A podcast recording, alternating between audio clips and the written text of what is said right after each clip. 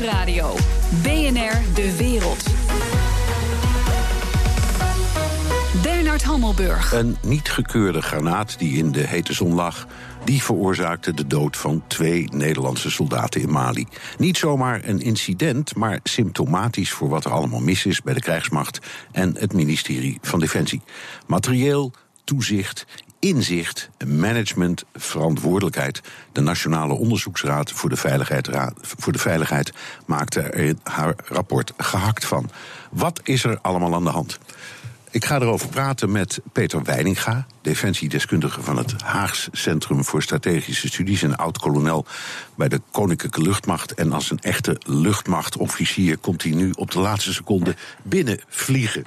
Welkom hier in de studio. Dankjewel.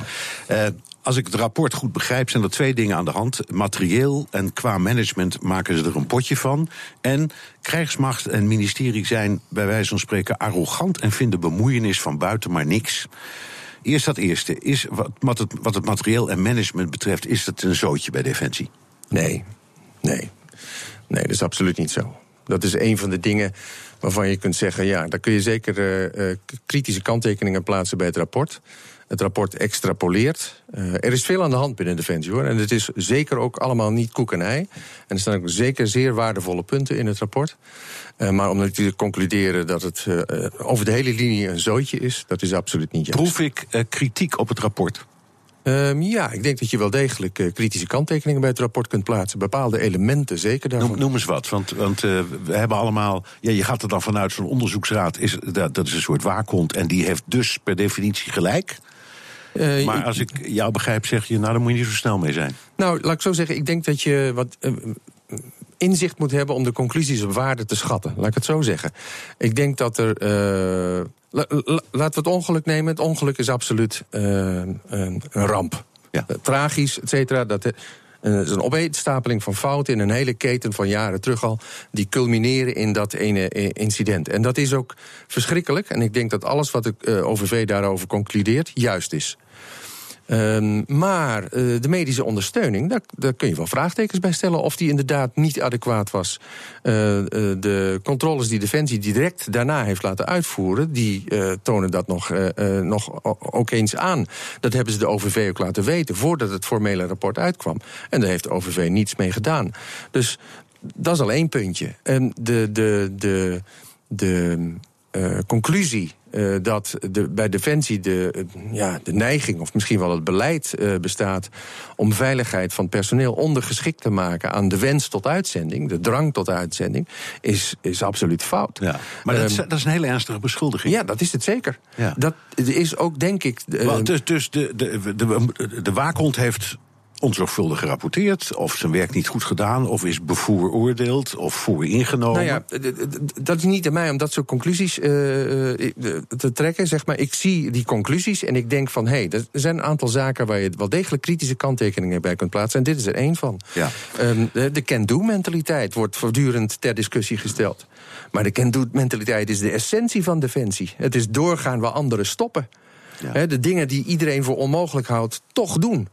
En, uh, en ja, en daar zitten uh, daar, zit, daar zit ook een downside aan natuurlijk. Daar, zit ook, daar zitten risico's aan. Ja, en, en die risico's moet je beheersbaar zien te goed, maken. Ik, ik noem dat arrogantie. Ja. Want die can-do-mentaliteit komt op anderen over... als die laten ze door niemand adviseren, de wet voorschrijven... er valt niet mee te praten. Is het een ho hooghartig bolwerk, Defensie? Nee, het is wel een, het is wel een trots bolwerk. Het is, en het is een uiterst loyaal bolwerk. Dus ik begrijp ook niet waar het woord arrogantie vandaan komt. Nou ja, maar dat heb je ook wat je bij de politie vaak ziet. Hè, wat ze in Amerika de blue code noemen. Uh, Agenten vallen elkaar nooit af. Zullen ook nooit naar buiten zeggen dat er iets niet deugt. Houden elkaar de hand boven hoofd. Is het bij militairen ook een beetje zo? Nou, Kijk, als je de laatste jaren kijkt, is er diverse malen ook door Defensie aan de bel getrokken van het kan zo niet verder met die bezuinigingen. we lopen grote risico's. Ook de huidige, of de CDS die net is afgetreden. Nee, maar dat is hier, komen we direct over te praten. Dat is iets anders. Je zegt, we hebben geldgebrek, dus dingen kunnen niet. En, en, en, en, en het zit met paperclips en, en plakband aan elkaar. Dat begrijp ik. Maar de houding die can-do-mentaliteit staat daar los van. En, en dat kan arrogant overkomen. En dat is volgens mij ook waar die Veiligheidsraad een beetje naar wijst. Ja, maar dat is dan een verkeerde interpretatie. eigenhartige mannetjes en vrouwtjes. Ja, Het is de verkeerde interpretatie van die can-do-mentaliteit. Het is juist proberen, zeg maar, in een situatie waarin die door anderen als onmogelijk wordt gezien. Neem de situatie in, in een uitzendgebied om dan toch resultaten te bereiken. Ja. Uh, dat is die can-do-mentaliteit en dat is essentieel bij Defensie. Oké, ik, uh, ik stel een vraag uh, aan een oud luchtmachtman, kolonel. Ehm, in de luchtvaart gaat bijna nooit iets mis. En daar word je totaal getraind op het controleren vanaf het eerste moment tot het laatste moment van elk onderdeeltje. Kwaliteit, veiligheid. Een piloot stijgt nooit op zonder extreem strenge controle van materieel, zonder vluchtplan. Dat klopt, hè? Ja. En hoe kan dat dan bij zo'n granaat niet gebeuren? Ja, dat, dat is deels gissen, denk ik. Kijk, de luchtmacht heeft ook een geschiedenis en heeft uh, zeg, maar het niveau van kwaliteitscontrole wat daar nu heerst, door schade en schande bereikt. Hoor. Laat ik dat even vooropstellen. In de jaren 50 vielen er vliegers met bosjes naar beneden. Dat was de, de, de, eh, de Starfighter. En de Meteors. Ja, de Meteors, ja. De Starfighter viel eigenlijk wel mee. Um, de F-16 heeft ook zo'n periode gekend. Ik was, zat toen zelf al in dienst. En toen heeft de luchtmachtleiding ook besloten om het F-16-vliegen even stop te zetten. Omdat men gewoon toch weer eens alles. Hè, hebben we alles wel op orde? Zijn we wel goed bezig? Um, nou ja, um, wat ik denk dat nu met het mortierongeval gebeurd is, is. Um, die zijn aangeschaft in 2006. Toen stond de hele organisatie op zijn kop. Naar aanleiding van de besluiten die met de bezuiniging en de reorganisatie van 2004 zijn gestart. Uh, de staven van de bevelhebbers werden in feite opgeheven. Dat werden ondergeschikte commandanten van de CDS. Overigens is daar niks mis mee. Um, maar die moesten wel verhuizen uit Den Haag. Taken werden bij ze weggehaald, werden gecentraliseerd bij de Defensie Materieelorganisatie. En op dat moment hadden de bevelhebbers veel minder invloed op de keuze van het materieel wat gekocht werd voor hun operaties. Ja. Dat, het zou best kunnen zijn, maar dat is een beetje speculeren. Dat, zag ik, dat zeg ik erbij. Dat in die situatie, waar heel veel onduidelijkheid was van wie doet nu wat en waar ligt de verantwoordelijkheid. Dus de keten van verantwoordelijkheid was niet meer helemaal duidelijk, of is niet meer helemaal duidelijk. Nou, en, en dat is die vergelijking die ik maakte met de vliegerij. Daar gaat ook wel eens wat mis, maar daar is die keten glashelder altijd. Daar is, eh, laat ik zo zeggen, ook daar worden wel fouten gemaakt. Maar daar eh, heeft men in ieder geval het streven om die keten altijd glashelder te maken. Er gaat in principe geen vliegtuig de lucht in zonder dat. Er wordt voor getekend ook. Ja. Um, maar. Um, en dat is ook waar de CDS op, op doelde in zijn verhaal. Um, het, het, het, weghalen bij die commandanten van die strijdmacht, uh, van die krijgsmachtdelen, landmacht, luchtmacht, marine en marechaussee, van een aantal verantwoordelijkheden, heeft ze eigenlijk niet meer integraal uh, verantwoordelijk gemaakt voor hun taken. En uh, dat werd dan gezegd, ja, je bent ontzorgd, want we halen dat bij je weg, et cetera, et cetera. Maar in feite moet dat in één hand zijn. En dat heeft niks met geld te maken. Nou, wel iets, maar niet veel. Nou, de aanleiding om het te doen was, was, was bezuiniging. Ja.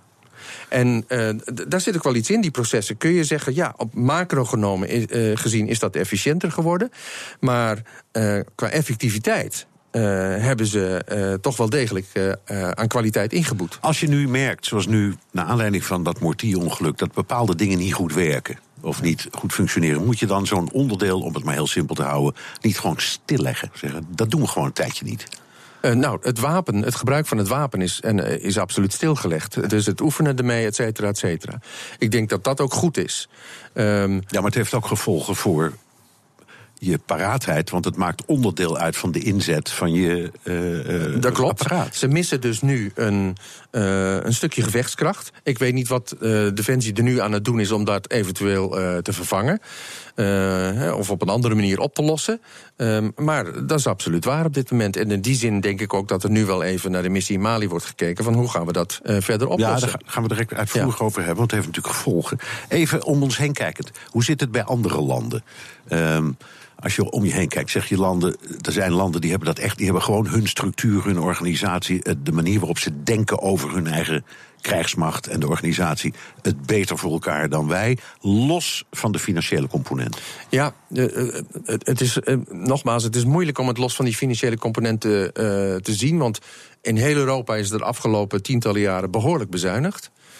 Als ik kijk naar de staat van de verschillende krijgsmachten, dan steekt er wel één qua kwaliteit behoorlijk goed bovenuit. Dat zijn eigenlijk wel de Fransen. Ook al is daar nu allemaal uh, discussie over uh, bezuinigingen. de Britten hebben toch ook behoorlijk te lijden gehad. Ook de Duitsers hebben behoorlijk te lijden gehad. En, en kleinere landen sowieso. Um, ik dus, weet, dus we staan er niet alleen in, in dit soort problemen? Nee, nee, nee. Het is ook een Europees probleem. Um, dat kun je rustig stellen. Zo dadelijk. Is na twee omgekomen soldaten, een afgetreden minister en bevelhebber het volgende slachtoffer de missie in Mali? BNR Nieuwsradio. BNR De Wereld. Mijn gast Peter Weininga, defensiedeskundige van het Haag Centrum voor Strategische Studies en oud-kolonel bij de Koninklijke Luchtmacht. Uh, we hadden het net over, ja, wat ik maar noemde, toch hier en daar wat krakkemikkige staat van de krijgsmacht. Heeft voor een deel met geld te maken, ook wel met een paar andere dingen. Maar het is allemaal niet nieuw. En het is ook niet in één keer opgelost. Wat betekent dit nou voor onze internationale ambities? Ja, dat is inderdaad. Um, wel een belangrijk punt. Um, wat ik vaak ook wel in discussies aanhaal. Um, Nederland is om en nabij de 16e economie ter wereld. 15, 16 varieert een beetje, maar het, in die, uh, in die uh, We hebben een paar centen. We hebben een paar centen. Ja. Een derde van ons inkomen wordt eigenlijk in het buitenland gegenereerd. Als je kijkt naar hoe de buitenwereld tegen ons aankijkt, dan zien ze ons als een stevige economische partij die eigenlijk kwaliteiten qua standaard bij de G20 aan tafel zouden moeten uh, zitten op basis van hun economische macht. Economische macht is één van de pilaren van internationale betrekkingen. De andere is militaire macht.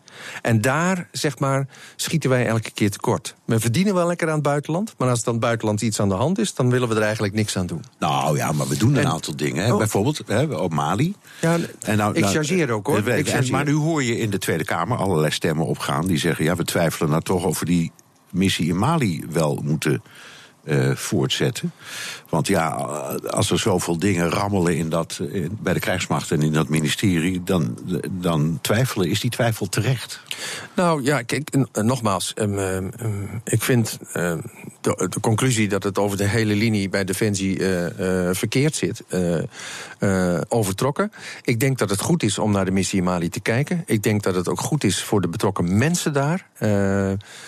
ook om onrust weg te nemen. Uh, toch weer eens kijken of alle puntjes inderdaad wel op de i staan. Um, eventueel nadenken over vervangende capaciteit voor die mortier die je niet meer kunt gebruiken. Toch ook weer even naar de medische zorg kijken. En dan uiteindelijk gewoon een eerlijke conclusie trekken. Eh, trekken. Het loopt wel. Het, zou best kunnen zijn dat bij het ontbreken van die medische zorg en bij het ontbreken van een wapen plotseling, ja. dat ze moeten zeggen: ja, dan kunnen we het toch eigenlijk beter niet meer doen. Nee, maar die medische zorg, uh, daar ben ik van overtuigd dat die ja, adequaat is. Dat, dat sterkste. En alleen aan die mortier zou het niet mogen liggen. Nee, dat begrijp ik. Um, wij doen ook heel veel aan trainingsmissies. Leiden die ook onder dit soort problemen of minder? Zijn dat meer instructeurachtige situaties? Ja, het zijn meer instructeur dan al. Mensen worden begeleid ook. Uh, uh, Um, dus daar kom je niet per se in gevechtssituaties uh, terecht. Uh, de bewapening is dus ook anders. Het is meer ter persoonlijke verdediging. Um, Um, dus ik denk niet dat die daar echt onder lijden. Um, het vakmanschap van onze mensen staat hoog aangeschreven uh, in het buitenland ook. Uh, dat is mooi. Dat hebben we ook dankzij de professionalisering sinds de jaren negentig uh, kunnen bereiken. En daarom zijn Nederlanders ook graag gezien als, als trainers. En welkom bij dit soort missies. Dus ja. ik denk niet dat het eronder leidt. Oké, okay, we hebben het al een paar keer gezegd. Het gaat, dit gaat erg over geld, dit hele ja. onderwerp. Er was veel te veel geld, daar is iedereen het over eens. Er komt nu geld bij Defensie bij, anderhalf miljard. Uh, Hans Hille, oud-minister van Defensie, onder wiens regime trouwens die bezuinigingen destijds zijn uh, doorgevoerd. Die zegt ja, uh, een paar fregatten en gevechtsvliegtuigen en die anderhalf miljard is alweer op. Dus zet dat nou zoden aan de dijk. Uh, ja, ik denk ook dat de eerste anderhalf miljard zeker niet uh, al te veel aan dat soort grote investeringen moet worden besteed. Al moet je wel kijken of er ruimte is. Maar het is belangrijk om een aantal zaken binnen Defensie te herstellen die nu gewoon beschadigd zijn. Of te krap bemeten, of nou, noem maar op. Uh, bepaalde processen weer. Uh, en ik denk inderdaad dat er nogmaals ook naar de reorganisatie moet worden gekeken van zijn we met bepaalde aspecten niet te veel doorgeschoten? Hebben we bepaalde dingen niet te veel gecentraliseerd? En zouden die eigenlijk bij die commandanten van die krijgsmachtdelen moeten kijken? Kun je een vergelijking maken wat, bijvoorbeeld wat er is gebeurd met uh, ministeries? het ministerie van Justitie en Veiligheid, waarvan een heleboel mensen zeggen dat was in een bezuinigingsdrang, maar eigenlijk onhandig om te doen. Is, zo, is zoiets wat zich ook binnen Defensie afspeelt? Dingen die te veel in elkaar zijn geschoven? Uh, nou, ik denk zeker dat je dat, als je dat dan hebt over de Defensie Materieelorganisatie, dat je dat kunt zeggen. Uh, zeker wat taken betreft, is dat te veel op één hoop geschoven. En uh, te veel weggehaald bij, bij die commandanten van die krijgsmachtdelen. Overigens vind ik ook dat de positie van de CDS best wat zwaarder aangezet mag worden in die organisatie. Leg uit. Um, op dit moment is hij uh, de hoogste militaire commandant. Ik vind het uh, een goede zaak, dat is ook een resultaat van de organisatie, dat de commandanten van de krijgsmachtdelen aan hem ondergeschikt zijn. Maar de positie die hij heeft als enige militair binnen de bestuurstafraad, de directeuren van al die elementen uh, vormen de bestuurstaf, die is eigenlijk te zwak. Ik hoop dat hij luistert, want hij treedt vandaag aan. Hè? Ja, ik weet het. En ik, ik weet ook um, um, dat, hij, dat de, zijn voorganger en de huidige zouden willen dat die positie iets sterker uh, zou zijn. Um, en daarnaast vind ik, en dat is een ander aspect, uh, dat de Kamer meer proactief zou moeten optreden in, bij dit soort uh, operaties. Um, um, er wordt um, te vaak uh, genoegen genomen met een uitleg, zonder daadwerkelijk uh, het naadje van de kous te willen. Ja, er zijn misschien ook niet zo heel veel Kamerleden die het echt helemaal doorhebben. Dat is een handje vol. Nou, dat is uh, inderdaad een handje vol. Die hebben meestal een militaire achtergrond. Ja. Um, en, nou, we hebben nog maar even, laten we het daar ja. even over hebben. Um, Janine Hennis zou, heb ik begrepen, minister blijven. Maar dat kan nou niet meer, want die is afgetreden. Dus er komt een ander. Uh, de ChristenUnie wil niet. De vraag is of de VVD het nou nog wel wil als zij het niet wordt. Uh, de kans is groot dat het uh, uiteindelijk bij het CDA terechtkomt. Daar heb je Raymond Knops. Dat is een man met een militaire achtergrond. Zie jij hem als onze volgende minister van Defensie? Ik denk dat hij het zou kunnen, ja. ja. Ik denk dat hij maar, En wat je zelf hoort, want jij hoort dingen in Den Haag. Wij ook wel hoor, maar jij ook. Denk je dat... Ja, nee, ik denk dat het zou kunnen. Kijk, het is een, het is een man met een, uh, met een goede militaire achtergrond. Ik denk dat dat ook wel eens een keer een verfrissing zou zijn voor het ministerie. En daarnaast heeft hij een hele consequente lijn de afgelopen jaren gevolgd. Uh, voor wat betreft welke kant het op zou moeten gaan met Defensie. En het is misschien ook wel eens aardig dat hij dat een keer kan laten zien dan. Goed idee uh, de, om een staatssecretaris weer in te voeren. Voor Jazeker. Ja, ja. Het, het, ministerie is te complex om dat door één minister te ja, laten het was jarenlang ging die voornamelijk over materieel. Ja. Dat, dat zou nu bijvoorbeeld ook een goed idee zijn. Of, Ja. of over, over financiën. Iemand die zich helemaal met de budgettering bezighoudt. Nee, ik zou echt over het materieel gaan. Ja, dus het is goed dat die terugkomt. Ja. Fijn dat jij weer terugkwam in deze studio. Studio vlak op het allerlaatste moment binnengevlogen. Dank Peter Weininga, defensiedeskundige van het Haags Centrum voor Strategische Studies en oud-kolonel bij de Koninklijke Luchtmacht. The Donald Show. Tijd voor de Verenigde Staten van Trump met Amerika-watcher Jan Postma. Jan, veel ophef over de minister van Buitenlandse Zaken, Rex Tillerson. Ik moest Ja. ontzettend lachen. Hij zegt: Nee hoor, ik neem helemaal geen eh, ontslag. Nee, nee, inderdaad. Dat is een beetje een gekke situatie dat je dat dan ineens moet gaan uitleggen als, uh, als, als minister. En dat kwam allemaal door uh, nieuwszender NBC. Die hebben dit allemaal een beetje veroorzaakt. Die zeiden van, nou, deze zomer was hij wit heet, die Tillerson. is eigenlijk alleen maar door de vicepresident, door Pence, nog binnenboord gehouden. Anders was hij zo dat kabinet uitgestapt. en, daar vliegt natuurlijk iedereen bovenop, hij zou de president een moron hebben genoemd. Dus achterlijk, een idioot eigenlijk. Nou, dat gaat echt veel te ver, vindt ook Stephen Colbert. Hold on there, Tillerson. Nobody calls our president a moron except me.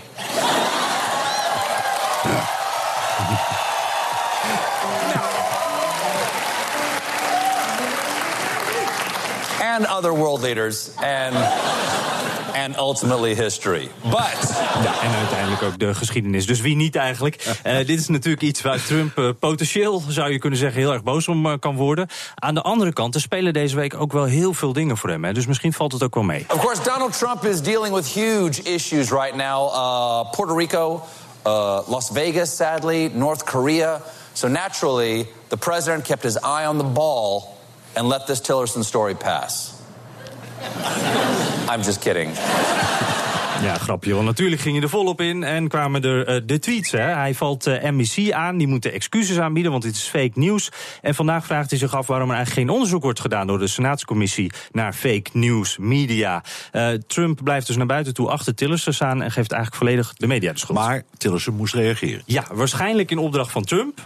en dan praat hij dat hele moron gebeuren, daar, daar praat hij eigenlijk overheen. Maar hij ontkent ook dat hij dus ooit ontslag wilde nemen, zoals je net zei. The vice president has never had to persuade me to remain as Secretary of State because I have never considered leaving this post. Considered leaving this post? No. Dreamt about it? Yes. Fantasized about it while pleasuring myself in an overstuffed chair? No comment.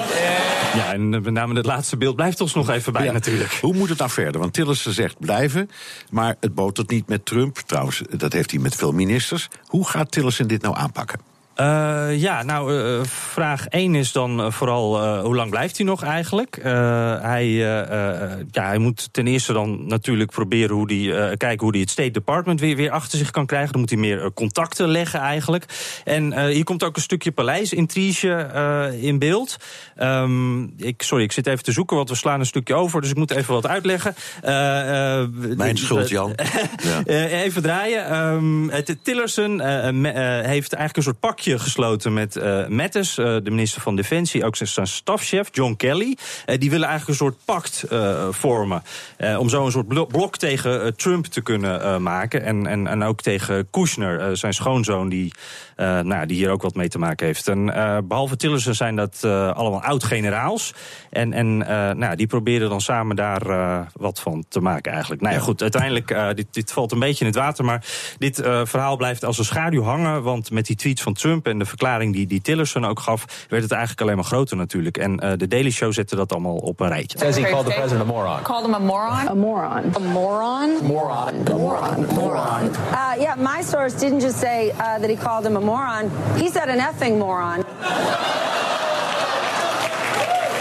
Uh, a fantasticing moron? A fabulousing? What does effing mean? I guess we'll never fucking know. Dankjewel, Amerika. Wortje Jan Posma. En sorry dat ik je script ondersteboven gooi. Soms moet dat even. BNR Nieuwsradio. BNR De Wereld. Bernard Hammelburg. De Brexit-onderhandelingen zijn al complex en nu gooit ook Donald Trump nog zand in de motor. En dat doet hij precies op het enige onderwerp waar de Britten en de Europeanen het wel over eens zijn. Europa-verslaggever Jesse Pinster. Het goede nieuws is dus dat Europa en het Verenigd Koninkrijk het ergens over eens zijn. Ze zijn het eens over quota voor landbouwproducten. Er zijn afspraken die binnen de Wereldhandelsorganisatie zijn gemaakt over nee, hoeveel graan er uit Amerika, hoeveel lammetjes er uit Nieuw-Zeeland toegang krijgen tot de Europese markt voor een heel laag importtarief. Soms is dat tarief zelfs nul. En nou ja, als ze meer aan Europa willen verkopen, dan komt er toch een klein tariefje uh, bovenop, zodat we toch een beetje de Europese boeren, de Europese kippenboeren kunnen beschermen. Nou, allemaal afspraken die geregeld zijn binnen de Wereldhandelsorganisatie. Laten we het kippenvoorbeeld gewoon maar eventjes volgen. Zeg dat er 100 Amerikaanse kippen op de Europese markt komen. 20 daarvan gaan naar Groot-Brittannië en die andere 80 gaan naar de 27 andere Europese landen. Um, dat moest een oplossing voorkomen. Straks is de brexit en Europa heeft geen zin om dan die 100 kippen op te nemen... want dat is natuurlijk weer slecht voor de kippenboer hier in, uh, in Brabant. Dus hadden ze gedacht, dit moet heel simpel kunnen. We splitsen het gewoon op, kijken hoe het in het verleden is geweest. Dan gaan 20 gaan er nog steeds naar de Britten. En uh, die andere 80, die, uh, die houden wij wel. Dus nou ja, daar, het leek er al aan te komen. Bronnen zeggen ook eergisteren nog tegen Reuters... Hier zijn ze uit. Maar Trump vindt het een slecht plan. Trump vindt het een slecht plan en hij staat daar niet alleen. Dan moeten we even voor naar Genève, waar het Wereldhandelsorganisatie uh, uh, zit. Er is een brief uitgelekt. Ik heb hem hier via de Financial Times. En daaronder staan de handtekeningen van de vertegenwoordigers van onder andere dus Amerika, uh, daar in Genève, dus namens Trump. Maar er staan nog, nog wel wat meer landen onder. Ik heb hier Uruguay, Brazilië, Canada, Nieuw-Zeeland, Thailand en Argentinië. Dat zijn allemaal natuurlijk landen die veel landbouwproducten en veel vleesproductie. En veel vlees. Ja. Uh, die hebben al een brief geschreven, ondanks dat het officieel het voorstel van Europa en de Britten nog helemaal niet is, waarin ze echt heel duidelijk zeggen dat zij het hier niet mee eens zijn. Wij kunnen deze afspraak niet accepteren. Ehm, want er was een belofte van dat zij niet slechter af zouden zijn van die hele brexit. Nou, zij denken dat dat wel gaat gebeuren. Je zou denken, nou, ze kunnen toch nog steeds die 100 kippen gaan verkopen. Maar ja, wat gebeurt er als die Britten ineens maar 16 kippen kopen? Dan zitten ze met vier kippen in Amerika. En die kunnen ze niet eventjes simpel naar een ander Europees land eh, gaan verkopen. Aan Slowakije. Als dat allemaal opgesplitst is.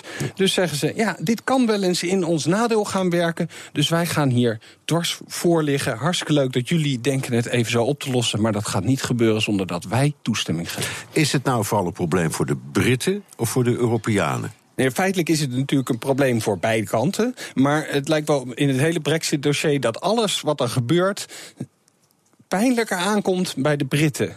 Gisteren was natuurlijk ook weer een dramatische dag voor Theresa May. Dat ze de speech gaf bij de conservatieve bij eh, de bijeenkomst van haar partij in Manchester. Waarbij ze nou ja, stond te snotteren. Toen was er nog iemand die er een ontslagbrief kwam aanbieden. Toen vielen er ook nog eens letters van het decor achter haar af. Dus dat was voor het beeld allemaal dramatisch uh, voor May. Je hoort bijna het zagen aan haar stoelpoten ook binnen haar partij. Maar als we naar het Brexit-dossier kijken, dan zou je kunnen zeggen dat dit misschien nog wel vervelender uh, nieuws voor is. Want zij probeerde het ook echt te presenteren als... nou kijk, er is een succesje, het gaat over handel... we komen daar echt wel uit. En nu komt Trump, die haar beloofd had... dat hij een uh, very big, exciting nieuw handelsakkoord... met de Britten zou gaan uh, sluiten. En die begint nou ja, nu dwars te gaan liggen. Het is ten koste van de Britten en de Europeanen wellicht... maar nee, dan denk je, staan ze eens een keer aan dezelfde kant, zijn ze er eens uit, blijkt de rest van de wereld ook nog een mening te hebben over de brexit. En wij dachten even, kip ik heb je, maar dat is niet waar. Dat is niks van waar. Dankjewel, Europa-verslaggever Jesse Pinster. BNR De Wereld. Tijd voor de kwestie met vandaag de spanning in Catalonië na het referendum. Loopt het met een sisser af of valt Spanje echt uit elkaar? Ik praat erover met Paul Bril, buitenlandcommentator. Welkom. Dag Bernard. Uh, veel kritiek op het optreden van de Spaanse overheid bij het referendum van de afgelopen week. Heeft de Spaanse regering, afgezien van de methode, want ja, mensen aan hun haren uit een stemhokje sleuren is nou ook niet bepaald netjes, maar hebben ze in principe niet gewoon gelijk? In principe hebben ze gelijk. Uh, de Catalanen zelf zijn akkoord gegaan met uh, de grondwet van 1978, waarin staat dat Spanje als land uh, ondeelbaar is, een ondeelbare eenheid is. Um, er is een uh, zeer uitgebreide autonomieregeling aan, aan verbonden. Dus uh, deze eenzijdige stap is onwettig. Uh, anders kun je het niet noemen. Een andere vraag is hoe je het politiek moet oplossen. Ja. Maar dat Spanje uh, in principe in zijn recht staat, Madrid in zijn recht staat, moet ik zeggen. Ja. Dat is waar. Uh, er wordt nu gedaan door sommigen alsof alle Catalanen voor afscheiding zijn. Maar dat is toch een beetje een Noord-Koreaanse uitleg. Hè? Of een, uh, het, ik, ik, toen ik die uitslag zag, dacht ik: dit is Kim Jong-un of Vladimir Poetin. Ja, nou, die zouden, die zouden er nog een paar procenten bovenop hebben gedaan. Het was geloof ik 78 procent uiteindelijk. Of 80. Uh, die zouden wel dik in de 90 zijn geëindigd. Maar inderdaad, um, dat, dat hele referendum is natuurlijk met houtje touwtje georganiseerd. Een echt goed kiesregister is er niet. Um, uh, en als je kijkt naar de laatste betrouwbare opiniepeiling... die dateert van juli... over hoe de Catalanen toen dachten over uh, onafhankelijkheid, over afscheiding... was 40 voor, uh, 49% tegen. Nou, die, die, die percentages kunnen uiteraard wat uh, zijn gaan schuiven. Die zullen zeker zijn gaan schuiven als gevolg van de opstelling van Madrid. Maar uh, 78, 80 procent, uh, dat, dat klopt gewoon niet. Nee, dat komt natuurlijk ook omdat een heleboel van de nee-stemmers gewoon thuis zijn gebleven. Zeker. Ik bedoel, er is ongeveer, de opkomst is ongeveer 40, 45 procent. Ja. Dus. In ons land merk je heel veel sympathie voor de Catalanen. Waar komt dat door? Johan Cruijff lijkt mij. Ja. Ik bedoel, we hebben een band met uh, Barcelona vanwege Johan Cruijff. En daarna nog andere uh, grote Nederlandse voetballers.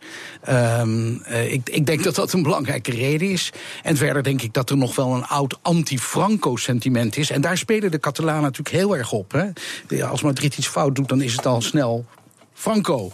Uh, de, de, de geest van Franco uh, uh, is los. En um, ik denk dat dat hier wel een beetje resoneert. En ik denk dat we in het algemeen is er altijd wel sympathie voor mensen die nou ja, een, een, geschiedenis hebben van repressie.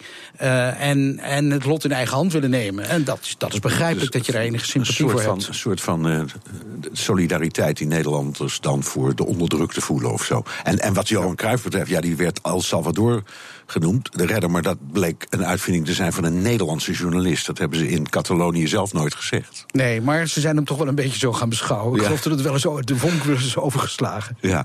Eh, hoe gaat dit nou eindigen, denk je? Want eh, eh, dat, het is nog niet afgelopen.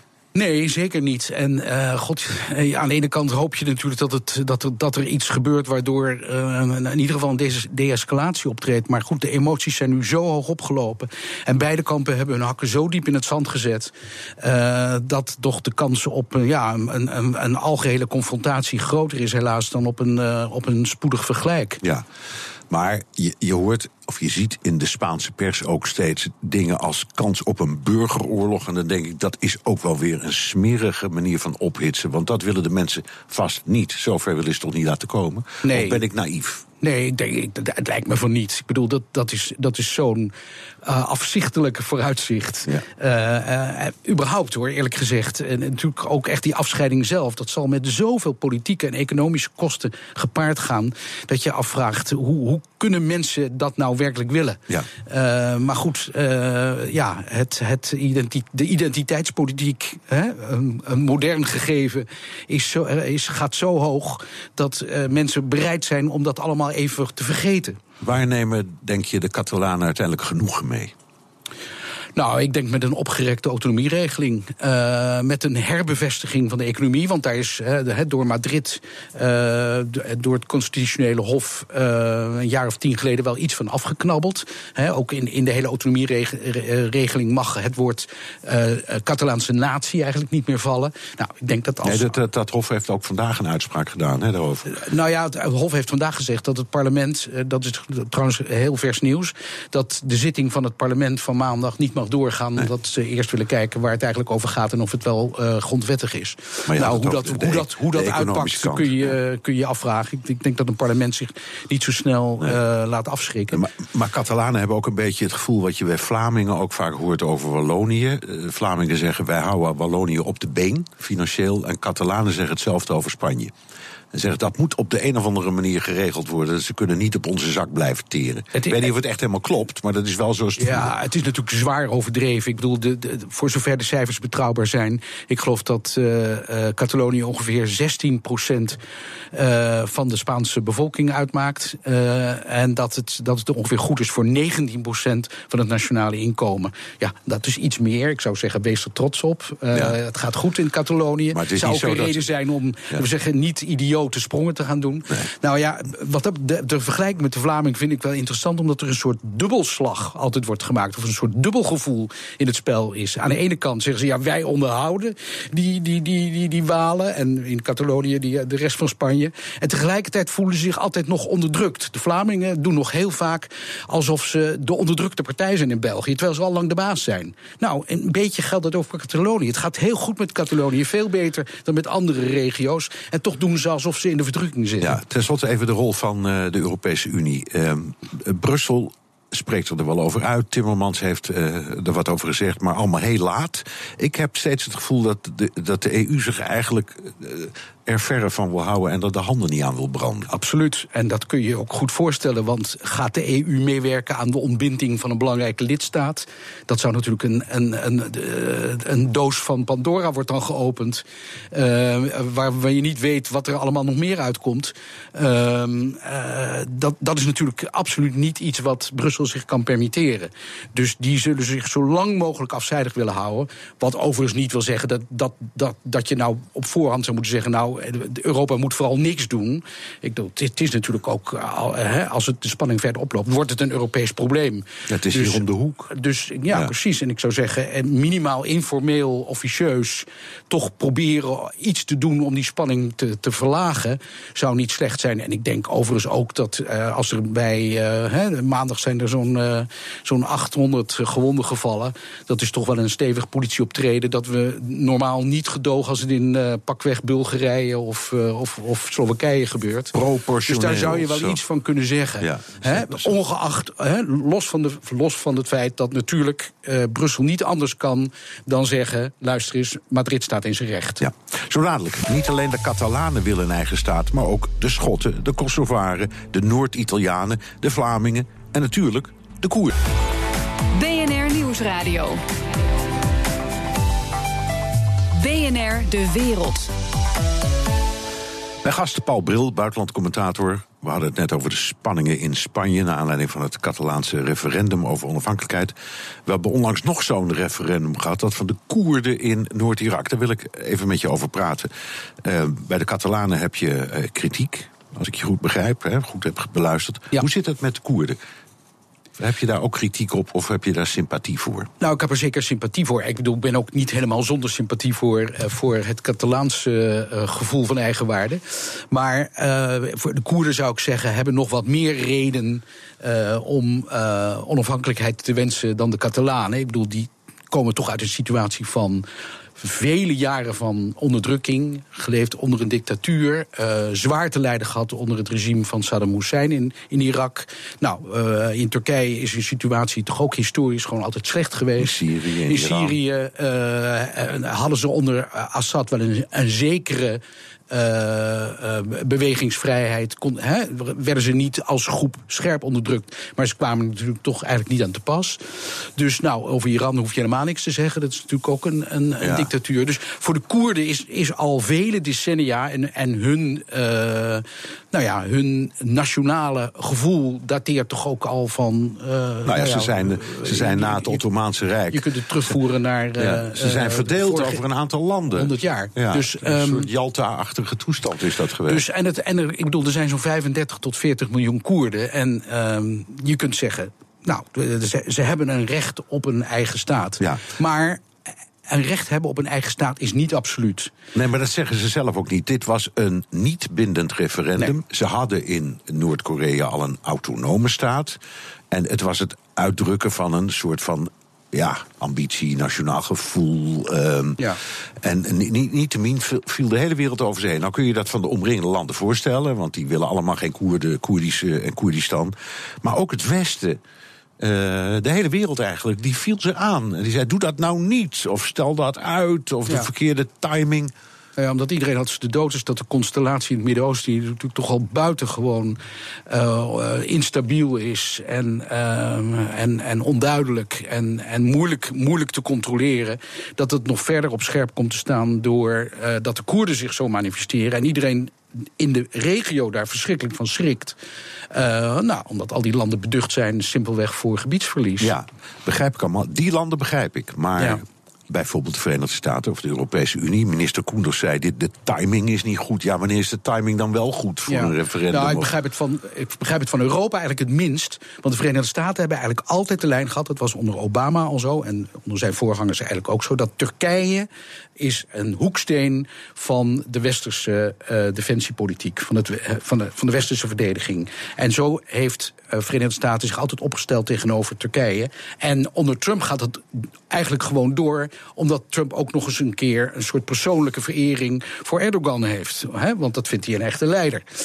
Dus, dus dat de Verenigde Staten daar afstand van neemt van die Koerdische zaak, nou, dat ligt enigszins in de lijn der verwachting. Je zou denken dat Europa de handen meer vrij heeft om meer sympathie op te brengen en begrip op te brengen voor de Koerdische zaak. Ja, ehm, en het is ook wonderlijk, want aan de ene kant eh, zeggen we bijvoorbeeld in het conflict in het Midden-Oosten, waar je het nu over had, de strijd tegen IS, daar hebben we die Koerden hard nodig. En er zijn ook heel veel mensen die, die zeggen, zonder de Peshmerga, die, die Koerdische strijders, konden we daar nog geen deuk in een pakje boter slaan. Het zijn onze bondgenoten, het zijn, zijn helden, hele discussies over hoe je en hoeveel je ze moet bewapenen.